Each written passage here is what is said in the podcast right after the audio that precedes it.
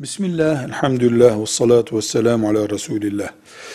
Müslümanın çocuğu doğduğunda, o çocuk için bir koç veya inekten bir hisseye girilerek kurban kesilir. Şükran lillah. Farz değil, vacip değildir ama sünnettir. Bu kurbana akika adı verilir.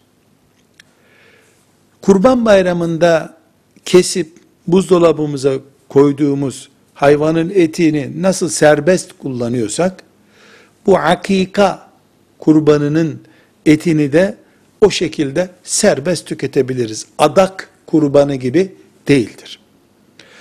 Özellikle akika kurbanını kestikten sonra akrabaya, dostlara çağırıp ziyafet verip o ziyafette onu yemek ise sünneti daha geniş bir şekilde yaşamak olur, güzel olur.